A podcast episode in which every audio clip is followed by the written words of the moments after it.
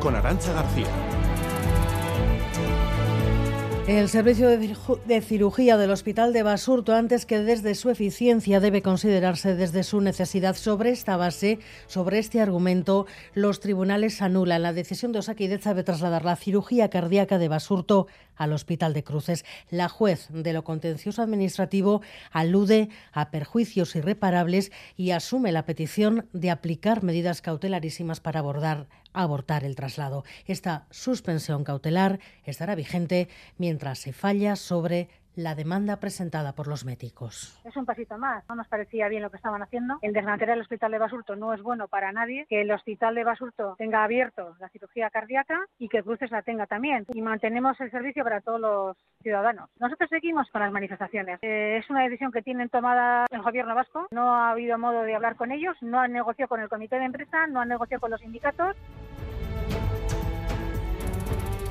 Y José Barrio Nuevo reconoció ayer que él ordenó secuestrar a José María Larrechea, que fue también él quien mandó liberar a Segundo Marey, capturado por error, y que la otra alternativa era ejecutarlo. Una entrevista en El País que recuerda a otra en la que Felipe González reconoció que tuvo que decidir ese día si volaba la cúpula de Time Ayer en esa entrevista, Barrio Nuevo restaba importancia a la confesión, recordando que ya lo asumió en el Congreso y que no hubo ninguna repercusión. Y la realidad parece darle la razón. La alarma, el rechazo a las palabras del exministro apenas han tenido eco fuera de Euskadi. Rechazo, sí, muy contundente del PSE. Las actividades terroristas del GAL van a contar siempre con la condena y el rechazo contundente del Partido Socialista de Euskadi. Carecen de sentido, por tanto, las apelaciones de aquellos que todavía hoy no condenan el terrorismo en todas sus expresiones. Tampoco de los que se mostraron tibios o miraron para otro lado en su momento. Y condena del gobierno vasco si nos ponemos en el pellejo de las víctimas que han sido objeto de la violencia del GAL y de la violencia de Estado y escuchamos expresarse a un exministro de Interior de esta manera, solo podemos sentir humillación. Toda expresión violenta en un sistema democrático es inaceptable. Cuando esa violencia es fomentada e impulsada desde el Estado, además de inaceptable, es injusta, es ilegal, es ilegítima. A las ocho entrevistaremos aquí en Gamara a la hija de la última víctima de los GAL, Maide García, hija de Juan Carlos García Goena. Y en unos minutos al diputado de EH Bildu, John Iñárritu, recién llegado de Melilla, de analizar sobre el terreno los sucesos de junio en los que murieron al menos 23 inmigrantes. El ministro Marlaska ha insistido en que no hubo muertos en territorio español. Veremos si la delegación de diputados que ha viajado a la valla lo tiene tan claro. Y la Archanza ha detenido en Zumaya a un joven de 27 años de edad acusado de grabar con su teléfono móvil a una decena de niñas menores de edad. Ha ocurrido en el Polideportivo Municipal y mientras estas niñas se estaban duchando. Al parecer, las menores se dieron cuenta y él huyó. Ha sido identificado gracias a las cámaras de seguridad del Polideportivo David Veramendi. Los hechos ocurrieron el pasado viernes cuando un grupo de unas 10 niñas menores de edad se estaban duchando en el Polideportivo Municipal de Zumaya. En ese momento se percataron de que alguien, por el hueco de debajo de la puerta, había introducido una mano con la que sujetaba un teléfono móvil. Las estaba grabando. Él, al verse sorprendido, huyó rápidamente. Ellas denunciaron lo ocurrido. En colaboración con la Policía Municipal de Zumaya y gracias a las cámaras de seguridad del Polideportivo, la Arzainza ha detenido ya a un joven de 27 años, el presunto autor de la grabación. Se le imputa un delito contra la intimidad de las personas. En una nota, el Ayuntamiento de Zumaya muestra su más absoluta repulsa, califica lo sucedido de grave y frente a ello reivindica el derecho de las mujeres a vivir libres y seguras en cualquier espacio. En este caso, al ser un recinto municipal, dice que tomará las medidas necesarias para que esto no vuelva a ocurrir. El consistorio muestra su apoyo y solidaridad a las menores y pone a su disposición todos los recursos a su alcance. En Bilbao, malestar evidente de los ciudadanos al saber que a partir de ahora la Policía Municipal va a sancionar a todo aquel que incumpla las normas de tráfico sin margen para la flexibilidad y que es una manera de protesta por el nuevo calendario laboral.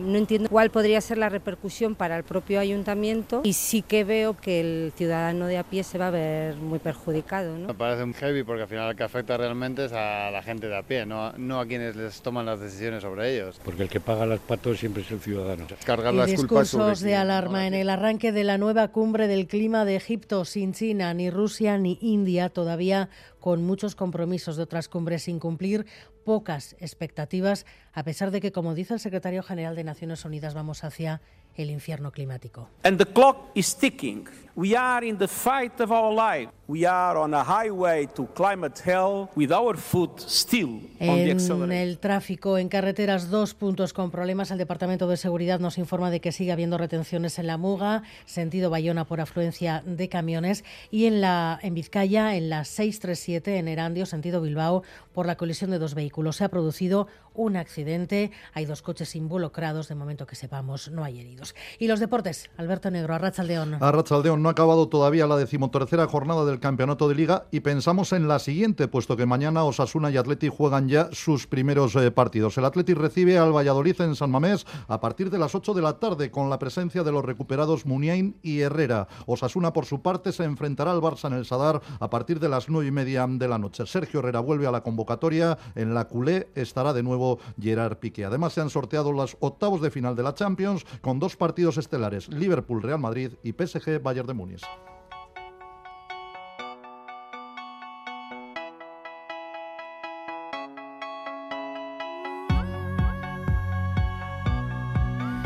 Hoy nuestra contra para el humorista gráfico César Oroz, autor durante más de tres décadas de la tira del diario de Navarreña que espiga.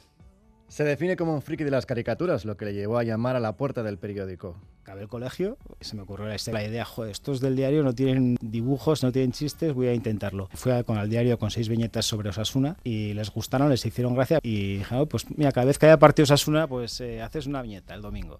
Aunque en realidad su pasión comenzó a mutar en profesión mucho antes. Empecé con 15 años haciendo pancartas de San Fermín, que bueno, no dejan de ser una, una viñeta con la actualidad del año, ¿no? Y así ha continuado estos 31 años analizando la actualidad con humor. Eh, sin pensar eh, la trascendencia o no que va a tener de publicación o de cuánta gente la va a leer, porque entonces no, no harías nada, ¿no? Tú arrancas como que estás haciendo un dibujo para, para ti y para tus amigos. A partir de la lección de una noticia sobre la que poder trabajar, con la única presión de la hora de cierre del periódico. Tú haces tu viñeta y firmas tu, tu opinión, con lo cual eres tú el que tienes que decidir cómo ves la noticia. No, no un periódico o una radio o una tele te tiene que decir cuál es el resultado de una noticia, ¿no? Y eso a veces es lo difícil también, ¿no? Y así tres décadas de viñetas que se pueden recuperar en la web latiradeoroz.es. Miguel Ortiz y Asier Aparicio están en la dirección técnica, Cristina Vázquez en la producción.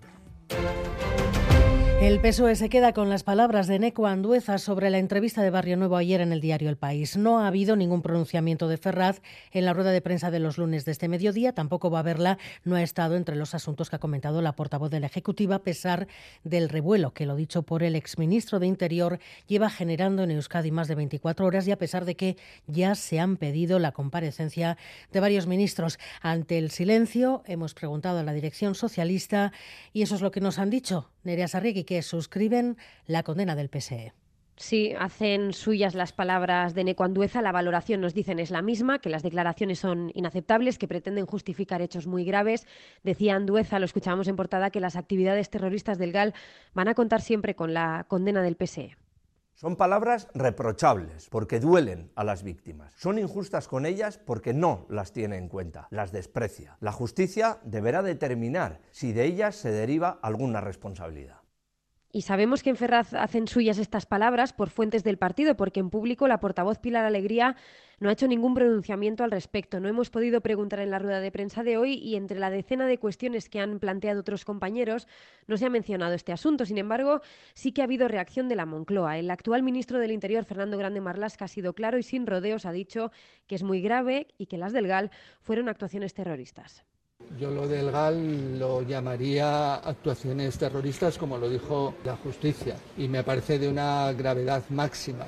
Y sobre todo cuando la organización terrorista ETA quedó claro que los únicos medios que hizo, que hizo posible su derrota fue lo que siempre creímos los demócratas, que es eh, el Estado de Derecho La semana que viene el Gobierno deberá dar más explicaciones. En el Senado el PNV preguntará al ministro Félix Bolaños si el Ejecutivo considera que las actuaciones relatadas por Barrio Nuevo requieren una investigación y EH Bildu ha solicitado la comparecencia de Bolaños en el Congreso, además de la del propio Barrio Nuevo, para que responda sobre sus palabras ante los diputados. El tono, el contenido, todo en las palabras de Barrio Nuevo son un ejercicio de desprecio a las víctimas. Son palabras aquí en Radio Euskadi del portavoz del Gobierno vasco, Irache Ruiz. Según el portavoz del Gobierno vasco, en la entrevista Barrio Nuevo da a entender que conocían la existencia de la violencia terrorista por parte del Estado y que no reaccionaron hasta que el Ejecutivo francés les apretó para que lo hicieran unas declaraciones que humillan a las víctimas a juicio de Bingen Zupiría. Si nos ponemos en el pellejo de las víctimas que han sido